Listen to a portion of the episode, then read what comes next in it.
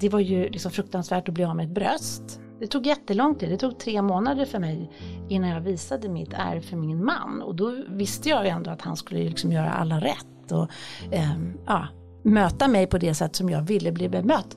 Men det handlade liksom egentligen inte om hur han såg på mig utan det handlade om min egen känsla.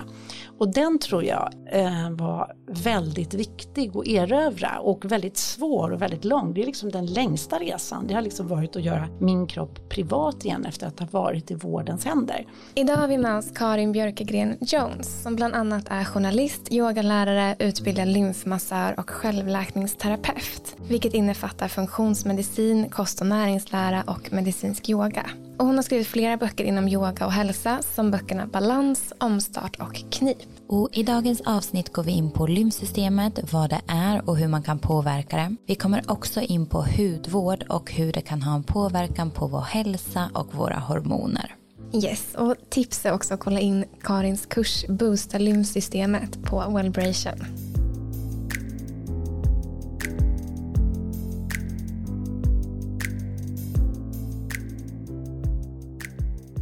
Varmt välkomna till ett nytt avsnitt och idag så har vi ju med oss dig Karin Björkegren Jones. Hej! Hej, välkommen hit. Tack. Så kul att du är här. Tack för att jag får komma. Ja, mm. Vi är så spända på att djupdyka tillsammans med dig. Men innan vi gör det så tänkte vi ställa en fråga som vi ställer till alla våra gäster. Okej. Okay.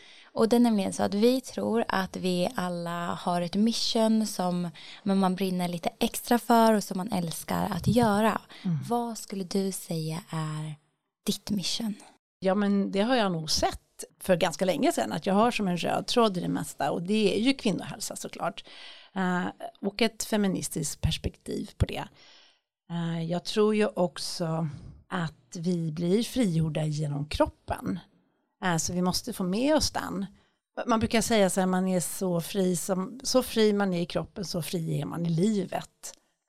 Så det är väl det. Mm. Ja. Och sen tänker jag att alla så här böcker och sånt som jag skrivit har handlat också utifrån ett liksom kvinnligt perspektiv. Kvinnohälsa är ju liksom ingenting som prioriteras. Det blir snarare en folksjukdom och så blir det liksom något som, ja ja, det var, var inte så viktigt. Och sen så är det några män som får den sjukdomen och då ändras allting mm. direkt. Så att, um, ja, jag tror att vi måste i alla åldrar, kvinnor i alla åldrar också måste börja säga nej och inte förvänta oss att en man ska förändra vår liksom vården eller hälsovården för kvinnor utan vi måste faktiskt ta den platsen själva. Så det kan jag tänka mig är väl, mm. jag gillar att elda under andra kvinnor. Ja, men det, ja, det är så fint och det känns verkligen som vi är inne i en tid nu där någonting verkligen håller på att hända någonting stort när det kommer till just kvinnohälsa och samhället i övrigt med våra rättigheter och allt vad det innebär. Mm. Mm. Men jag, jag tänker att det är många kvinnor som har kämpat under lång tid. De får man ju faktiskt inte glömma men det har hela tiden funnits krafter som tar ner det. Och det har också varit andra kvinnor. Så att mm. vi måste ju tillsammans, det är ju det som är grejen, att vi måste verkligen se att det här gäller alla. Mm. Och det kan jag också tänka lite grann så att jag kämpar jättegärna för liksom förlossningsvården och sånt ska förändras så att det ska bli enklare för unga kvinnor och så. Men då vill jag ju också förvänta mig att unga kvinnor ska kämpa för, för mig och för den åldrande kvinnan. Så, mm. så att det gäller allt, mm. hela kvinnans liv. Mm. Om ni fattar. Ja, ja, och det är så ja, intressant ja, att du säger för det. alla blir ju gamla. Ja, och alla, alla kommer, ja. kommer, gå igenom alla de här skedena i livet. Och det är väl där kanske som man upptäcker ju äldre man blir, desto mer förstår man på vilka liksom strukturella plan alla de här problemen finns. Mm. För att det är i olika skeden av livet som man har olika kanske utmaningar eller råkar ut för olika saker och upptäcker mer och mer. Så det är kanske därför också, i alla fall i vår del, att man börjar ju brinna mer och mer för varje år. För att mm. Man lär sig mer, ja. man ser mer och man ser hur mycket det finns som måste mm. förändras. Verkligen. Så ja, man vill ju bara få med alla kvinnor så tidigt som möjligt. Det är då vi får förändringen. Mm. Mm. Men hur kom du in på just kvinnohälsa? Hur fick du upp ögonen för det? Nej, men jag har nog alltid varit väldigt så intresserad av liksom hälsa och så, ända från när jag var väldigt ung. Eh, jag blev vegetarian tidigt, det är jag inte längre, men jag var det under många, många år eh, som tonåring. Första gången jag yogade var jag liksom 15 år. Så, där. så att jag har nog, och jag gick lite så här på alla kvinnors hus, eller vad säger jag, inte alla kvinnors hus, vad heter det, Hälsa, hälsans hus heter det. Ehm, och där finns det ju massa så olika alternativa behandlingar och så. Uh, och sen så gick jag på så här rosenterapi, rebirthing och då var jag jätte, jätteung. Så att för mig har liksom det alltid varit att hitta alternativa vägar till min hälsa. Uh, som har varit något som jag har liksom brunnit för. Sen blev det ju såklart när jag fick en cancerdiagnos Eh, trots att jag eh, trodde att jag levde hälsosamt ehm, så fick jag cancer. Och då blev ju min, liksom, vad ska man säga, mitt mission eller mitt brinn för själva hälsan blev ju liksom starkare då såklart. Mm. Och något jag verkligen älskade och som berörde mig jättedjupt. Det mm. var inledningen av din bok Omstart där du skriver inte tänkte jag att bröstcancern som jag diagnostiserades med sommaren 2012 skulle bli startskottet på en hälsoresa. En resa som skulle få mig att omvärdera det här med hälsa och vad som menas med att må bra. Men framför allt har den bidragit till att jag börjat värdesätta min kropp som det mirakel den faktiskt är istället för att titta på alla skavanker eller kräva saker av den när den egentligen vill ta det lugnt och vila. Och det här tycker jag är så himla viktigt och fint och det är någonting vi pratar om mycket i Women's Inc. Mm. För att få in den här dimensionen i kvinnohälsa. Det är så läkande, så viktigt. Kan inte du berätta lite mer om hur du har jobbat med din relation till just din kropp? Mm. Alltså jag hade nog ganska okej känsla för min kropp. Jag har liksom aldrig haft några mat, alltså ätstörningar eller varit så. Det som var var väl att jag tyckte att jag hade alltid för stora bröst och jag fick det alldeles för tidigt och det tyckte jag var en jobbig grej när jag var ung. Eh, och då blir man ju också värderad lite utifrån det. Men annars så kan jag nog tycka att den var helt okej. Okay. Men sen så fick jag ja, cancern och opererade bort mitt högerbröst. Och då hade jag ju sån, den cancer som jag hade som då var inflammatorisk och hormonell, den var liksom så aggressiv så att jag fick vänta på om man skulle få göra ett, eh, sätta in ett implantat eller så. Och det var på ett sätt, det var ju liksom fruktansvärt att bli av med ett bröst, och det kommer jag komma till sen, men att jag fick vänta var bra för att idag har jag inget. Eh, alltså idag är jag liksom enbröstad. Uh, eh, och jag är glad att jag inte satt in något implantat. För vi vet idag med breast implant illness som är liksom att det är inte alltid så himla bra. Det kommer saker, biverkningar sådär. Uh, men det som hände var ju att jag liksom det tog jättelång tid, det tog tre månader för mig innan jag visade mitt ärr för min man och då visste jag ju ändå att han skulle liksom göra alla rätt och um, ja, möta mig på det sätt som jag ville bli bemött. Men det handlade liksom egentligen inte om hur han såg på mig utan det handlade om min egen känsla. Och den tror jag eh, var väldigt viktig att erövra och väldigt svår och väldigt lång. Det är liksom den längsta resan. Det har liksom varit att göra min kropp privat igen efter att ha varit i vårdens händer. Men då när jag liksom var tvungen att liksom acceptera min kropp. Och jag höll ju på under, under alla cancerbehandlingar så smörjde jag min kropp och mitt kala huvud. Och först hade jag ju ett bröst och då smörjde jag det med så här varm sesamolja. Och sen när jag fick ärret och man väl kunde börja liksom smörja sitt ärr så smörjde jag det. Och då hittade jag någonting att vi faktiskt har healing i våra händer. Eh, och jag faktiskt kunde smörja tillbaka kärleken till min kropp, alltså att man kan det och det handlar liksom inte om hur man ser ut och det skulle jag vilja säga till alla mm. unga tjejer. Att det handlar inte om hur man ser ut utan det handlar om ens egen känsla för sin egen kropp. För att du blir vacker och fantastisk. Alltså det är ju vad du tänder ut som är grejen. Det är ju inte the shape of you som är grejen. Om ni fattar. Mm. Då kände jag liksom att det blev från att ha varit en kanske för hur den är och hur liksom insatt man är i liksom feminism och allt sånt där så är man ändå liksom sedd ur ett ganska trångt, trånga glasögon eller man ska säga. Eh, och man, man, det är svårt att värja sig mot hur, hur ska en kvinna se ut, vad är kvinnligt, jag har två bröst och ett långt hår eller vad det nu är. Alltså att vi är liksom matade med den här bilden av vad som är kvinnligt och så. Eh, och då måste man liksom göra sig av med den på något sätt och se också att ja men det är ju inte det som är det kvinnliga. Om man nu då ska prata om kvinnligt och manligt och så. Det, det sitter ju inte i, i utseendet egentligen mm. alls. Uh, och det kände jag också var skönt uh, att känna att jag kände mig, att jag fort, liksom fortsatt känner mig kvinnlig fast jag är då enbröstad och kände mig kvinnlig fast jag inte hade något hår, alltså så, när jag var under behandling. Eh, men också att, att man kan få tillbaka den här kärleken till sig själv och det är ju också lite det jag gör på mina workshops, att jag får tjejer att ta på sig själva. Och att när man tar på sig själv så händer någonting, eh, man börjar tycka om sig själv. Och kvinnor ofta köper ju svindyra krämer och sånt där som de smörjer in sig med. Och då kanske de liksom slår in den där liksom, krämen lite så här stressigt och så. Uh, istället för att faktiskt använda handen och verkligen smörja och känna och liksom så här ja, vad skönt.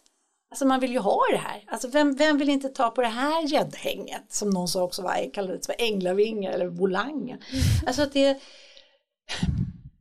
man måste vara mycket mer snäll mot sig själv och man vet också att barn som liksom masserar varandra i skolan, de mobbar inte. Det kan man ju liksom föra över på sig själv om man tänker så att om jag tar på mig snällt så är ju det också vad min kropp hör och känner att jag är med dig, vi är med och, och nu kan jag också känna så här, fan vilken jävla stark kropp jag har som har, tog sig igenom alla de här behandlingarna och alla biverkningar efter det och så.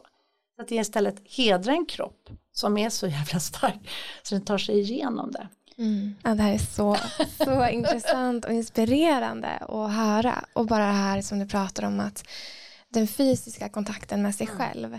Jag har inte ens tänkt på det sättet som du beskriver nu. Och det, ja, men det säger också någonting att man har inte den Nej. fysiska kontakten med sig själv. Jag har faktiskt gjort det för att jag har, jag har en bakgrund med ätstörningar mm. och något som jag alltid haft komplex för sen jag var liten, mm. vilket är bottnar i, det är rotorsaken och jag vet ju att mitt vuxna jag att det jag känner om min kropp eller det komplexet jag har det bottnar inte i där jag är idag utan det är någonting djupare inom mig. Mm. Så någonting jag har jobbat väldigt mycket med är att smörja in till exempel magen mm. som har varit mitt komplex. Mm. För att då blir det ju att, alltså jag känner igen mig så mycket i det du beskriver. Mm. För att det blir kärlek, man tar på sig själv mm. på ett kärleksfullt sätt mm. och också ser det för vad det är. Mm. För jag har ju haft en resa med utebliven mens mm. och jag skulle säga att det är många i vårt community som har liknande resa mm. och jag tänker bara att ja, men i dagens samhälle så är det så många som har en dysfunktionell relation till mm. sin kropp, till mm. mat eller till träning. Mm. Och jag tror att exakt det här du beskriver nu, förhållningssättet till sig själv. För om man kollar på min resa, att jag har gjort jättemånga förändringar i min livsstil. Men den största förändringen har varit den på insidan som handlar om att acceptera min kropp men också att förstå att jag är inte min kropp, det är mitt verktyg. Mm. Och jag tror att det är så viktigt att alla som lyssnar för på ett eller annat sätt kanske man har utmaningar som du sa att men jag har aldrig egentligen haft en dålig relation men man kanske inte har tänkt på kroppen på det nej, sättet nej, som nej, du precis. gör mm. och kan man få med sig det verktyget jag tror bara att det är så transformerande mm. att mm. se på sin kropp så som du beskriver mm. alltså det är befriande det är mm. frid på ett sätt mm. Alltså här, ja, men det här är hälsa till exempel. Jag gör av kärlek till min kropp istället för att se ut på ett visst sätt eller mm. vara i en viss standard eller mm. vad det nu är. Så ja, jag tycker det är så fint. Men jag har ju inte heller växt upp i det som ni växte upp i. Ni har växt upp i, i liksom, absolut, jag växte upp i så här, ja, man, Veckorevyn och fotom, var man fotomodell så var det jätterätt och sådär. Mm. Eh, ni har ju ett mycket tuffare klimat som ni ska förhålla er till. Mm. Det är absolut, jag skulle tycka att det var väldigt svårt att vara ung idag. Säkert. Mm. Mm. Ja, men om man ska sammanfatta din liksom, take på det, att, så här, vilka tips och verktyg skulle du kunna dela med dig av till kvinnor som utmanas av en skev självbild och de här idealen att leva upp till? hur kommer man över det? Ett steg är ju det här med massagen. Ja, men ett steg är verkligen det där med att ta på sig själv mm. och göra det med kärlek. Ge sig själv tid att, eh, ja men så här, kanske till och med tvinga sig själv. Eller, och, och det var ju lite det jag var tvungen att göra. Jag var tvungen att återerövra liksom min kropp och den nya kroppen och acceptera den och så här, ja men nu har jag den här kroppen. Eh, så på det sättet är det en jättebra grej. Um, hålla på mycket med så här oljor och man härliga dofter. Och, alltså doften är ju den snabbaste vägen till hjärnan så du kan ju liksom ha någon, några droppar eterisk olja av någonting som liksom sätter igång så här, ylang ylang i hormon. Eh, ja men bra för hormonerna och sen kan man ha lavendel om man vill bli lugn eller om man vill få liksom blodgenomströmning, rosmarin. Man kan ju liksom blanda ner sånt och då hamnar man ju också i nästan som ett eh, andligt stadie. Det blir liksom som en liksom extra piff på det. det eh, så man verkligen gör det till någonting som blir en ritual typ. Sen eh, tänker jag att allting som man gör som, som man mår bra av, som kroppen mår bra av, det kan ju vara att du liksom står och dansar en timme till skitbra musik hemma. Om du inte vill gå på gym eller om du inte går på yoga eller något. Men, men alla den, alltså jag tycker att yoga är en väldigt bra form finns ju så många olika yogaformer nu också som man kan hitta in i sin kropp så att man liksom börjar känna så här var är min, ja men det här är min kropp och så. Och då händer det ju något när man liksom börjar känna så här, ja men man kan se sina små framsteg också. Och när man märker de sakerna med sin kropp att man kan göra saker mer än så, då tar man ju, börjar man ju också ta hand om den mera. Eh, så man får börja med små saker, tänker jag, om man, har, om man till exempel har en man är så himla arg på sig själv och inte tycker att man duger. Att man får vara, ta det liksom successivt, man kan ju inte ändra allt på en, en samma gång. Utan att man faktiskt, ja men då kanske man börjar äta, då kanske man börjar tänka på sin, vad man stoppar i sig, man kanske inte tar det där liksom eftermiddagsgodiset eller, ja men ni fattar alla sådana där saker som, det är så himla lätt att man stoppar i sig för att liksom på något sätt också döva någonting. Um, att man istället börjar ta hand om sig själv. Och att man börjar se det som en, som en viktig del. Men sen också någonting som jag har tänkt på som eh, tyvärr genomsyrar vårt liksom, samhälle, det är ju stressen. Att vi stressar så mycket. Um, och det handlar ju egentligen inte bara om att liksom, jobba mycket, utan att det är mycket, vi, det är ett prestationssamhälle som vi lever i. Men om man då också stressar väldigt mycket sådär på jobbet och sånt. Eh, och har en massa saker som man kanske inte tar hand om, att man har ett bagage som är alltså sorgegrejer, eh, terapi är ju superbra, man går i sånt. Då blir det ju till slut att man kanske blir det där, eh, men stress äter liksom upp saker. Det gör ju också att vi blir, alltså vi får så här sämre immunförsvar, man blir liksom Eh, och det blir en dålig spiral av stress. Och så tar man den där godisgrejen för att pigna till eller något sånt där. Så att man borde på något sätt jag skulle önska att man redan tidigt i liksom skolan lär sig typ meditation eller någonting, att lära sig att ta pauser, att man inte bara kör på, att man inte är en så jävla duktig flicka. Det skulle jag vilja säga till alla tjejer, var inte så jävla duktiga. Mm. För det ja. är liksom, det är, det är ingenting man vinner på i längden. Nej, jag och Sara kollar på varandra och bara ta pauser. Mm. Ja, men pauser är, och det är liksom verkligen bara, ja men vi ska ju göra det efter den här podden så ska ju vi ta en paus. Det är väldigt viktigt att mm. göra det. Verkligen.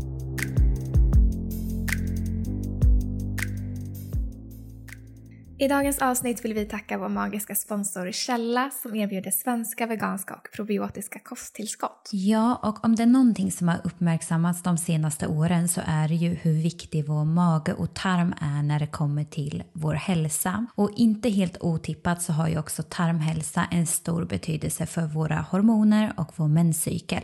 Ja, men verkligen. Och Källas probiotika är baserad på mer än 30 års svensk forskning och där har de olika probiotiska tillskott som kan stötta vid olika behov. Så till exempel matsmältningsbesvär, immunförsvaret eller för att lugna effekterna av en stressfull vardag. Ja, och personligen så har jag använt deras probiotika Repair som ska hjälpa till att stötta tarmen vid just stress. Ja, men som många av er känner till så har jag jobbat jättemycket med att minska olika typer av stressorer i min vardag för att kroppen verkligen ska känna sig lugn och kunna prioritera ägglossning. Så en viktig del för mig i det här arbetet har ju varit att stötta min mage och tarm men också att plocka bort sånt som kan störa mage och tarm. Och stress är någonting som jag tror många känner igen sig i. Och det är olika för olika personer men för mig sätter det sig ofta stressen i just magen och är väldigt nära kopplad till IBS för mig. Så jag kan verkligen märka hur mina IBS-symptom blir värre när jag är i en stressig period till exempel. Så där är det ju perfekt med probiotikan som gör att min mage har blivit mycket lugnare, jag blir inte lika uppblåst eller gasig och så känner jag mig bara överlag mer balanserad. Mm. Och probiotikan kommer i form av ett pulver så det här är superenkelt, man kan blanda blanda ut det i kallt vatten, i smoothies, i sin grekiska yoghurt på morgonen, i chiapudding, bollar eller bara ströra över kall mat. Och det här smakar ingenting och löser upp sig hur bra som helst. Ja, och vi har en eh, fantastisk rabattkod. Så med WomenSync med stora bokstäver så får du 100 kronor rabatt på ditt köp hos källa.com. Så gå in på kalla.com och eh, beställ där. Tack Källa för det här fantastiska samarbetet. Tusen tack. I dagens avsnitt vill vi tacka vår underbara sponsor Syd som producerar ekologiska mensskydd som levereras direkt hem till dig. Ja, och vi älskar ju att Syds mission, precis som vårat, är att underlätta för kvinnor att må så bra som möjligt under månadens gång. Ja, och som ni vet så har ju vi pratat jättemycket om hur vi utsätts för olika kemikalier i våra mest vardagliga produkter senaste tiden. Och mensskydd är ju en sån här typ av produkt som kan innehålla flera olika kemikalier, alltifrån blekningsmedel, parfymer och andra typer av gifter. Precis, och vi själva använder ju Syd eftersom att deras mensskydd är gjorda av 100% ekologisk bomull och de är utan parfym och färgämnen. Och istället för att blekas med klorin så behandlas de med hydrogenperoxid. Och anledningen till att man bleker bomullen alls är för att rengöra och desinficera den från vax och andra rester som finns i råbomull. Mm. Och Syd har allt ifrån tamponger, trosskydd, bindor eller menskopp beroende på vad du helst använder under din cykel. Mm. Och någonting som jag också älskar med deras mission det är att för varje sålt paket så gör de det möjligt för flickor i Elfenbenskusten att kunna gå till skolan under sin mens och det gör de tillsammans med Rädda Barnen. Mm, så himla viktigt och fint. Och mm. vi kan också dela med oss av ett erbjudande till er. Så genom att använda koden WomenSync med stora bokstäver så får ni två produkter gratis på Syds hemsida talkaboutsyd.com och ni får även med er deras snygga plexibox som man kan lägga sina produkter i. Så himla nice! Stort tack Syd för det här fantastiska samarbetet. Men du var inne lite på det och vår nästa fråga är just kopplat till utmaningar. Mm. Vad är det idag som gör att så många har utmaningar kopplat till liksom kvinnohälsa, hormoner? Har du upplevt att det finns någon röd tråd? Det så tror jag ju att ni liksom också är en generation som har växt upp. och jag kan ju känna mig jätte, alltså eh, jag har ju en 30-årig dotter. Och det blev ju rätt mycket sån här snabbt lagad mat när hon växte upp. Eh, för att man skulle få till det. Och, det. och det är ju liksom det som har hänt, det var väl det som hände med när vi när kvinnorna kom ut i arbetslivet mm. och vi började ha liksom, ja vad säger man, sån här snabbmats, eller ja, färdiglagad mat och lite sådana här saker. Det är ju inte heller så himla bra att det är det man Eh, äter och det är ju ni liksom rudda med. och, ja, det ser man förlåt, också. Förlåt, förlåt för det. Nej, men, alltså, men det var ju för att man skulle kunna få jobba mm. alltså, och vara tvungen att jobba. Och jag har varit ensamstående mamma så att jag har liksom försörjt mitt barn själv. Så att jag var tvungen att göra vissa sådana saker. Eh, men det är ju, jag, jag tror att allt baseras i liksom dålig näring eh, och stress. Och med stress alltså också så att man inte liksom man stressar så mycket så att man inte ens kan hantera de saker som faktiskt alltid händer i ens liv. Alltså vi tar ju inte ens, um, vi tänker så att när man flyttar så är det bara en sån lätt liten grej och så ska man, det var, ja men då ska det vara klart. Men då är ju liksom hela hjärnan ska ju ställa om sig, man ska ställa sig på en ny busshållplats eller, alltså ni fattar, det blir ju, alltså det är ju ändå en liten omställning tänker man. Och då har man ju ganska många sådana saker som sker. Och det är relationer med liksom kompisar, med ens partner, det är föräldrar. Och nu är jag i den åldern så att nu har jag ju inga föräldrar för att de har ju båda varit liksom, det är stroke och det är demens och man tar hand, alltså det är mycket sånt som kommer sen. Och det är det jag tänker att man måste se till att göra sig själv så pass stark så att man står stadig när det sker en jävla massa grejer som det ju gör i livet. Man kan ju inte liksom vaccinera sig mot det som sker i livet. Man kommer skilja sig, man kommer liksom eh, kanske ha ett barn som blir mobbat eller man eh, blir sjuk eller ens kompis blir sjuk eller man förlorar någon man tycker väldigt mycket om och sådär. Det är det vi, det är ju liksom livet. Men om, om man inte har den liksom byggt upp den styrkan runt omkring det så kan man ju inte ta hand om det. Då blir det liksom ytterligare något tufft som man ja, går under för typ. Mm. Mm. Jag älskar att du tar det här större perspektivet på det, alltså just i men stressen i livet, att det är mm. inte bara den här vardagsstressen utan att det faktiskt är de här större sakerna som hela tiden ja. kommer hända, som man inte kan undgå som du säger. Alla kommer gå igenom saker mm. Och man är ju inte riktigt rustad för det. Nej. Och det är det vi måste egentligen tänka att man måste bli man måste lära sig hur blir man rustad för livet. Egentligen borde finnas som kurs på det. Nej men de gjorde någon sån där undersökning. Ja, nej, jag vet inte. Eh, eh, de gjorde en undersökning i Danmark, det är ju många år sedan. Eh, men då tog de och tittade på liksom stresshormonerna i urinen eh, hos männen och hos kvinnorna när de åkte hem och vem som, ja, hur det var. Eh, och då visade det sig att männens stressnivå gick ju ner direkt när de gick över tröskeln hemma medan kvinnornas den ökade och gick inte ner förrän någon gång så här vid 10-11 på kvällen. Wow. Alltså, då var det ju gjort på liksom med barn och så, mm. familjen. Eh, och det skulle inte förvåna mig om det fortfarande är så. Och det tycker jag är ganska, eller det är väldigt hemskt ju, mm. faktiskt. Ja men det säger jättemycket om, om det du pratade om i början med alltså det större perspektivet med feminismen och att det är så många nivåer där det inte är mm. jämställt och vi har mm. alltså att kvinnor jobbar mer med det här obetalda arbetet än vad män gör mm. fortfarande mm. i allra högsta grad. Liksom. Mm. Så, ja. Och våra kroppar är oftast känsligare också än männens. Så mm. den dimensionen också. Mm. När man har mer runt omkring. Mm. Någonting som vi vet att många kvinnor i vår community kämpar med är just eh, sköldkörteln.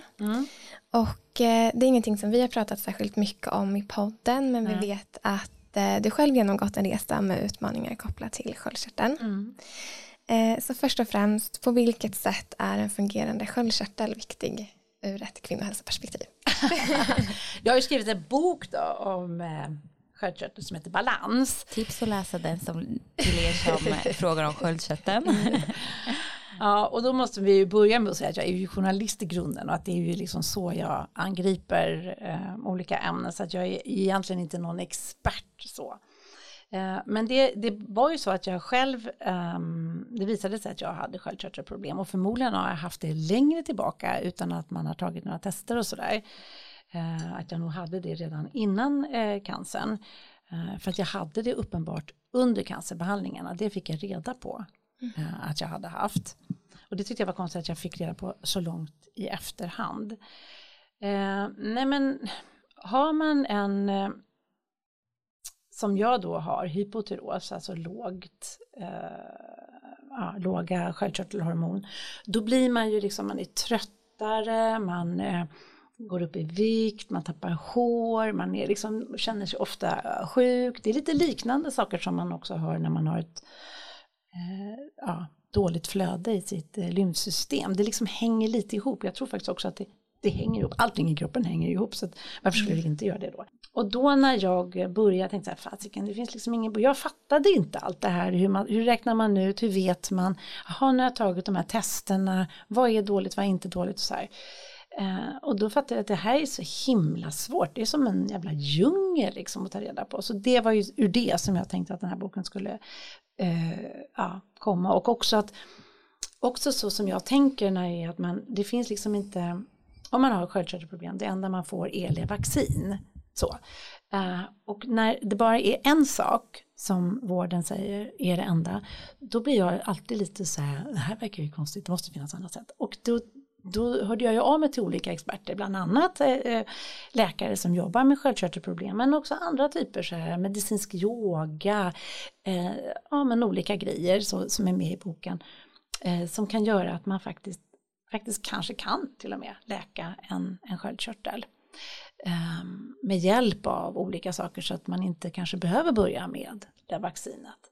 Och jag gick ju då direkt, jag ville ju inte äta Levaxin när jag fick utan min mamma hade ätit Levaxin sedan hon var typ 40 så hon var liksom 85 och åt fortfarande, jag tyckte det var liksom, man ville ju egentligen bara äta det under en period kanske då och sen kanske sluta med det. Eh, så att jag förstod att det fanns någonting som hette naturligt sköldkörtelhormon eh, och hittade en läkare som skriver ut det och det är också det den behandling som man gjorde ända fram till på 70-talet eh, med bioidentiskt hormon eh, och som då är alltså gris från sköldkörteln så det var lite konstigt när jag var vegetarian då och plötsligt började ta gris sköldkörtelhormon från gris. Det kändes inte så fräscht men ja, nu, nu är det så. Eh, och mår mycket bättre. Eh, för att i, i Levaxin så är det bara T4. Men alltså, nu pratar jag lite så här som ni kanske inte förstår vad jag pratar om. Jag har faktiskt koll. Ja, men, ja, nej, ja. men alltså man, be, alltså man ska ju ha T4 eh, som då eh, ska omvandlas till T3. Eh, men det kan ju vara så att kroppen inte klarar av att omvandla det här. Eh, och så vilket, och, om, det bara, om man bara har ett medicin som bara har T4 och, men, men du behöver den här omvandlingen och, eller det är kanske T3 du behöver så här. Så är, är det också att naturliga sköldkörtelhormonet så finns både T1, T2, T3 och T4. Så det är mycket bredare vilket gör att många mår mycket bättre. Men det är viktigt att det som händer att det finns fanns ju liksom inte kvar några läkare som förstår hur man, det var ju så länge sedan, alltså 70-talet, det är ju många år sedan nu, så de är ju pensionerade sedan länge. Men då finns det ett fåtal som liksom kan det där med att liksom mäta ut och hur mycket och sådär man behöver. Så det är ju liksom medicin som jag får licens och jag kan hämta ut på apoteket. Bara att det är mycket, mycket bökigare och det tycker jag är lite märkligt att det ska behöva vara det. Och sen också då man, man tittar på det här med provtagningarna för eh, beroende på om man då har sköldkörtelproblem så kanske man känner att man är, jag mår inte så bra och jag känner mig liksom, jag går liksom aldrig ner i vikt fast jag äter jättebra, jag tränar, alltså så, sådana saker som är, oftast är de ganska vanliga och man känner sig ofta liksom sjuk och sådär.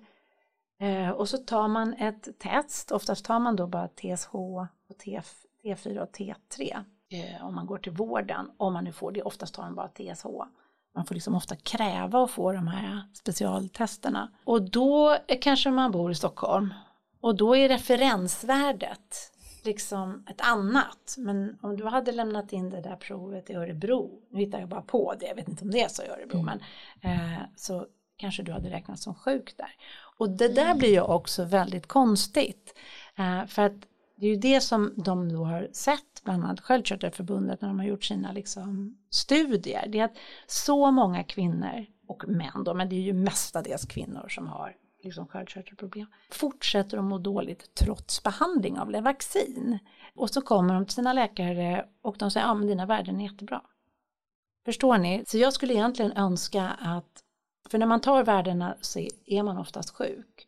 Men jag skulle önska att man kanske så här, typ när vi är 18 år, får ta, alla tar ett TSO-test. Liksom, så att man vet vad man har för värde eh, mm. när man är frisk. Mm. För det måste ju vara det som är utgångspunkten, inte referensen på alla de som är sjuka. Mm. Förstår du? Mm. Det är lite så här med, som med feber, mm. eller ja, att en del har ju feber vid 37,1 för att de har så låg kroppstemperatur. Mm. Men vi har bestämt att 37 är liksom mm. medel. Ja, för Förstår det, ni? Ja, för det kunde man se i min resa, för jag vet att många har haft samma utmaningar som mig.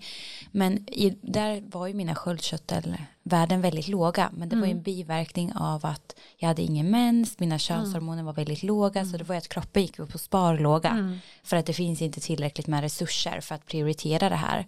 Så att jag har ju genom livsstil, men då hade ju inte jag jag har inte varit sjuk i sköldkörteln, det blir bara en biverkning mm, mm. då av den grundläggande orsaken. Så att mi, mina eh, sköldkörtelvärden har ju gått upp mm. nu när jag har blivit frisk. Du har fått bättre Ja, alltså ja. det har blivit mycket bättre och eh, det kan jag också se på kroppstemperaturen mm. som var helt superlåg i början mm. och det här var ju av fyra, fem år sedan jag gjorde de här förändringarna. Mm. Eh, men alltså kan man för de som har hypoterios mm kan man läka det genom bara livsstilsförändringar eller behöver man som du, du tog ju bioidentiska mm. hormoner, går det bara med livsstil eller hur funkar det? Jag tror att det där är liksom så olika. Jag, jag känner så att jag har liksom levt ett liv som är marinerat i stress. Mm. Och det är liksom, det här är en konsekvens av det. Mm. Jag måste verkligen tänka på hela tiden att inte stressa. Mm. Verkligen så. Uh, och alltid ta pauser och sånt. Så att mitt hopp är ju att jag ändå ska kunna läka det. Och det, det finns jättefina så här medicinsk yogaövningar som är liksom lugnande. Så jag tror ju att man kan väldigt mycket genom att börja liksom titta på sin sin inre stress och stressen som man blir utsatt för liksom utifrån och sådär. Och jag tror också på livsstilsförändringar i form av att ändra sin mat. Men man kan ju inte säga att det går för alla, för det gör det ju inte. Så att en mm. del måste ju liksom få hjälp såklart. Men jag skulle önska att den var mera Ja, att man faktiskt kanske lyssnade lite mera på att det finns faktiskt också ganska många som vill ha det på ett bioidentiskt eller så att man kan få mera liksom, stöd och olika behandlingar. Mm. Faktiskt. Kanske att man kanske forskade lite mer på det mm. faktiskt. Mm. För allting hänger ihop, det hänger absolut ihop. Sköldkörtel och eh, sexhormoner, allting hänger ju liksom ihop. För det finns ju någonting som kallas för myxödem. Okay. Och det är också väldigt vanligt när man har haft sköldkörtelproblem länge och sådär. Att man svullnar, att det blir som tjockare liksom eh, att, man inte, alltså att det kan vara svårt att ta liksom sprutor och sånt där. Och där tänker jag att det kan hänga ihop med lipödem som också är en sån där växande eh, sjukdom nu. Jag vet inte om ni har hört talas om den. Det är ju liksom en annan variant på lymf, ett lymfatiskt problem. Eh, så att allt det där hänger nog ihop. Men man skulle önska att det inte var så uppdelat att eh, då tittar man bara på sköldkörteln. Så tittar man bara på det. Alltså att det tycker jag är så konstigt med att den vård vi har inte är holistisk, att den inte, man inte tittar på helheten utan mm. man liksom här, ja, är du snuvig? Ja, då tittar man bara på det och sen så kanske det var något annat. Förstår ni? Mm. Att det, alltså jag skulle önska att det var mycket mer mycket mer brett och skräddarsytt utifrån var och en för vi har alla också olika förutsättningar när mm. vi väl är hos doktorn. Om vi skulle gå in på lite mer hormonhälsa. Mm. Vad skulle du säga, alltså hur skulle man kunna använda, för vi pratar ju mycket om livsstil och hur mm. man kan stötta kroppen och hormoner genom olika verktyg i livsstil. Vad har varit dina viktigaste nycklar för ja, en stark hormonell hälsa för din del? Alltså jag, är ju, jag chockades ju in i klimakteriet så att jag har inte haft mens sedan 2012 så att jag är ju menopaus. Jag är i den visa kvinnans tid. Mm. Ja och det finns så mycket gåvor i det också. Vi hade med Monica Björn kring det här och det är så här, ja det är så fint och det finns ju ja. verkligen visdom i varje stadie ja. som man upplever som kvinna. Jo, mm. absolut. Nej men eh, jag är ju där då, då. men eh, vad har jag använt för verktyg? Jag tror att mitt främsta verktyg och min främsta, ja, ska man säga, kraft tror jag, det är att ehm, eh, jag har en positiv syn på det väldigt mycket. Alltså jag kan absolut dippa, deppa så, men att jag har ett sån, sån stark sån eh, lust att ha kul och om man har det så tänker jag att man också ser till att ha liksom träffa mycket människor, roligt, prata med alla. Jag tycker sådana saker, alltså det är ju sånt som jag tycker nästan det är roligast. Ah, men jag åker bussen och då pratar jag gärna med den som är bredvid mig. Alltså jag får sådana kickar av det, det gör mig liksom glad. Och när jag är glad så är jag snäll och när jag är glad, alltså då, då blir det liksom, det blir ringa på vattnet. Det tror jag har varit mitt främsta liksom verktyg. Um, men um, om jag sen tittar tillbaka så klart jag hade liksom PMS och jag hade sådana saker men då pratade man inte om det på det sättet. Mm. På det sättet så är det bra att, att det har skett en stor förändring och att det finns väldigt många duktiga personer också som eh, liksom ja men Jenny Kos, Vulverin och Mia Lundin um, alla de här som verkligen uh, kämpat liksom länge också med, med att synliggöra mm. kvinnliga hormoner. Så. Mm. Ja. Mm. Eh, du har också skrivit boken Knip mm. eh, som är en bok om underlivet och bäckenbottenträning. Eh, mm. Kan inte du bara toucha lite på det innan vi går in på de avslutande frågorna? Eh, på vilket sätt är det här viktigt? alltså, jag, varför jag skrev den boken var eh, att jag Ehm, ja, det är 30 år sedan som jag födde min, nästan 31 år sedan som jag födde min flicka. Eh, då skickades jag hem med ett A4-ark som det stod knip och jag fattade faktiskt inte vad man, vad betyder det och sådär. Eh, och sen började jag förstå att ah, men så här är det för de flesta och de flesta verkar inte fatta vad det heller riktigt är och sådär. Och bara redan i ordet är det redan missvisande. Att man ska knipa sin kissstråle är väl det man tänker att man har tagit det ifrån. Eh, och det var när jag började med yoga som jag förstod att alltså knipet är egentligen ett lyft. Och där blev det ju redan en stor skillnad för mig, så det tog ett tag. Men sen när jag liksom blev yogalärare så blev jag också gick jag bredvid många lärare för det här var långt innan det liksom fanns här teacher trainings på ja, yogastudier. Så man gick liksom, man hade det som en mentor. Och några av dem hade gravidyoga så jag började gå bredvid dem. Och då började jag fatta att, och det här var ju långt senare efter att jag själv hade fött, att ja men fan det har ju inte skett någon förändring, tjejer skickas fortfarande med ett papper som det står knip på typ. Och de fattar inte. Så, så då tänkte jag så här, men gud, jag måste ju, det här måste jag göra någonting på. Så att då skrev jag en bok. Eh, och... Älskar. Löser problem, nu kör vi. ja men vadå? Ja. Eh, så att Um, och sen har jag liksom haft knipworkshop sedan 2013 så det är många år och det har liksom varit jättemånga kvinnor i alla åldrar från liksom tonåringar till liksom 85-åriga damer och så. Uh, det är superviktigt. Uh, då tänkte jag att det handlade mycket om, liksom i början, att det handlar om efter graviditeten och så, för det är oftast då vi får lära oss att vi typ har en bäckenbotten. Mm. Uh, men sen senare och också i boken så så förstod jag ju att det är ju så mycket mer. Jag menar det är en logonom som är eh, intervjuad där och hon säger att hon kan höra på en röst om bäckenbotten är påkopplad. Liksom att man har en kraft, man sjunger med fittan helt enkelt. Mm. och det är ju liksom, och om man lär sig att använda det och så, så, så blir ju också ens jag kraftfullare och ni framförallt kraftfullare. Så att jag tror att det är, det är liksom feminism, va? de här, mina kurser. Men också så här att det är har man, lär man sig att knipa eller att koppla på sin bäckenbotten men det handlar också om att lära sig att slappna av i bäckenbotten. Det är också viktigt att poängtera för det är väldigt många unga tjejer som också har en, en, ett underliv där man krampar snarare. Eh, men eh, då finns det de här fördelarna med att man liksom får mindre ont i ryggen, man får en stoltare hållning, man kan motverka bäckenbottenuppluckring, det är alltså foglossning och eh, hemorrojder och alltså sånt. Och man kan också få intensivare orgasm, roligare sexliv och sådana saker. Men också sen eh, när vi kopplar på, då kommer vi in på liksom nästa ämne då som vi kanske sen senare ska prata om.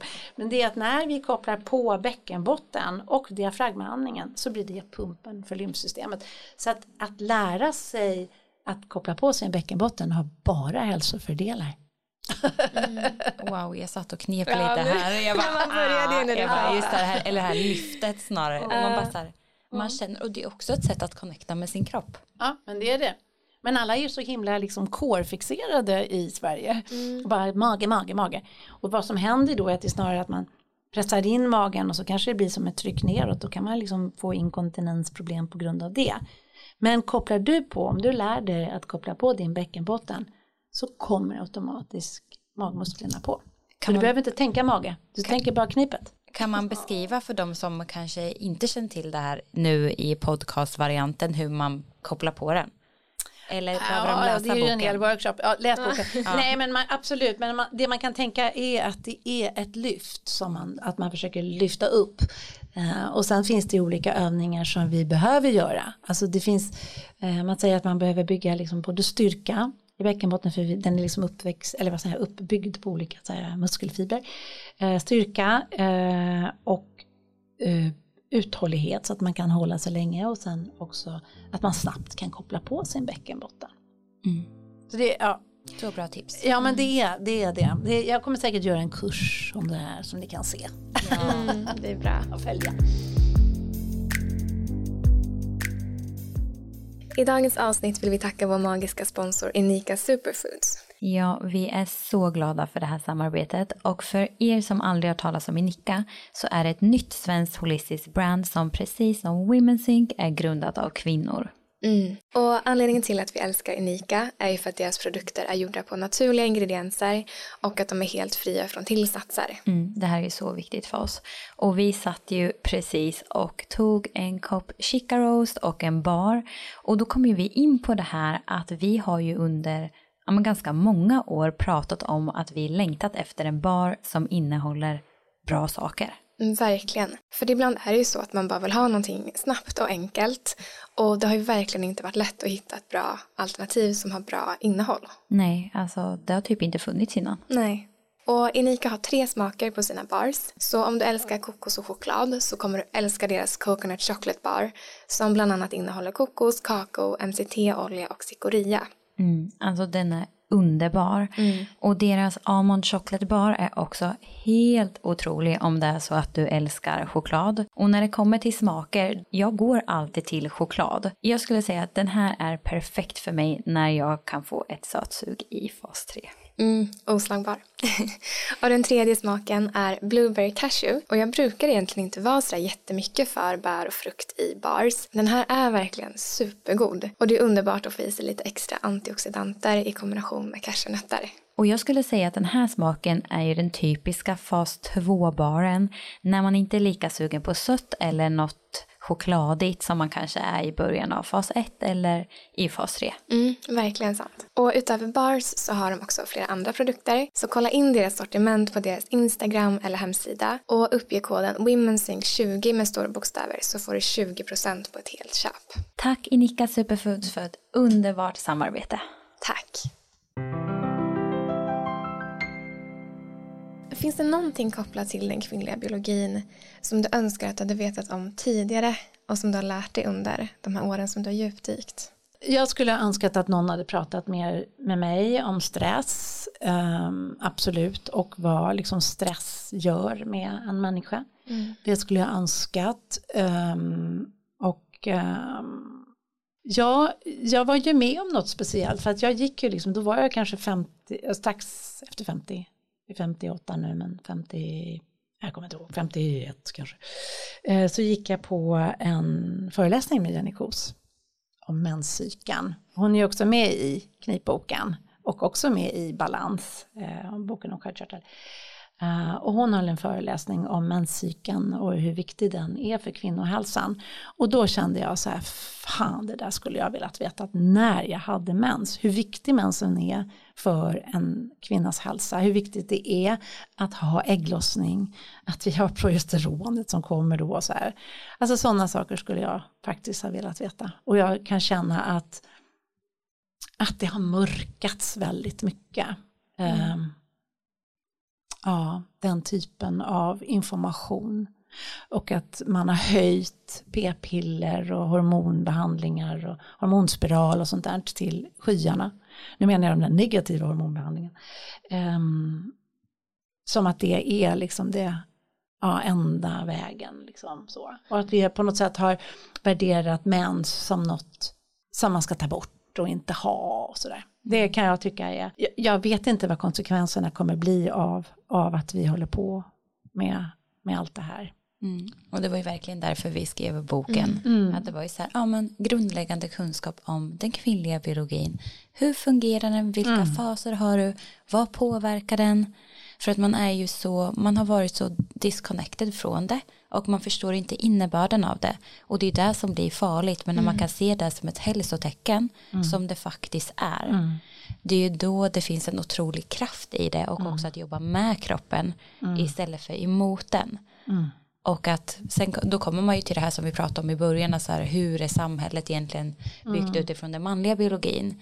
Men att där har ju vi ändå kraften att med små medel connecta tillbaka till vår kropp. Mm. Och på ett sätt ge den lite vad den behöver. Mm. Mm. Precis, gå från liksom maktlöshet till att faktiskt få makt över sin egen kropp. Mm. Mm. Och tycka att det är viktigt. Mm. Det är väl det också. Se värdet av ja. det. Ja, och jag tror att många kanske inte gör det, men sen så upplever man någonting i livet. Och då på ett sätt antingen tvingas man eller innan är man nyfiken för det men där man upplever någonting där man kanske tvingas värdera eller sätta sig in i någonting för att läka det eller hjälpa kroppen så någon gång i livet kommer man ju oftast till den punkten där man på ett eller annat sätt behöver sätta sig in mm. för att kunna må bättre. Mm. Precis. Jag tycker också många man pratar med som inte är insatta blir också så här, aha, jag visste inte ens att jag kunde göra något åt att jag har jättemycket PMS eller mår på det här sättet. Att det finns en sån liksom utbredd okunskap i att man bara ska acceptera eller det har mörkats på något mm. sätt, att det ens går att påverka, att man inte har förstått att det faktiskt går och när man väl gör det, då väcks någonting. Mm. Mm. Ett bra jobb ni gör. Detsamma. Om vi skulle gå in på de avslutande mm. frågorna eh, som vi ställer till alla våra gäster. Ett livsmedel, ingrediens, mat som du inte skulle klara dig utan. Måste jag tänka vad jag har som jag alltid liksom har hemma. Um, men alltså jag älskar ju avokado. eh, vatten, vatten, vatten, vatten. Um, Nej, jag fick stopp här. Ja, men alltså, avokado. Avokado tycker jag var... wow. känns som att det är det enda jag äter. Nej men det jag äter, jag liksom älskar ju mat. Mm. älskar ju mat. Ja. Mm. Härligt. Om du fick tipsa om en bok, vilken skulle det vara? Och inte dina egna då? Nej, nej. nej alltså, uh, gud vad är det den heter nu då? Um, jag älskar ju, um, vad heter den finska, alltså ibland kan jag få bara säga att jag inte får som har skrivit Mumintrollen. Ja, eh, Tove. Tove ja. Tove Finska.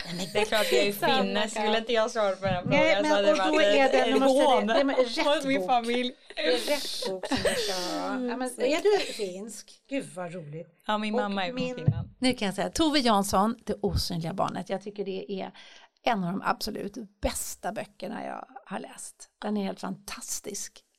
Underbart. Mm. Mm. Det är som en terapibok. Okej, okay, jag måste läsa den. Ni måste läsa den. Ja. ja. Ni kommer också älska den. Och jag har faktiskt inte hört någon annan som har gett det som tips. Så att, verkligen. Mm. Kul. Det var meant to be. Om du fick ge ett råd till ditt 16-åriga jag, vad skulle det vara? Det ordnar sig. Skönt. Ja. ja. Det är så här.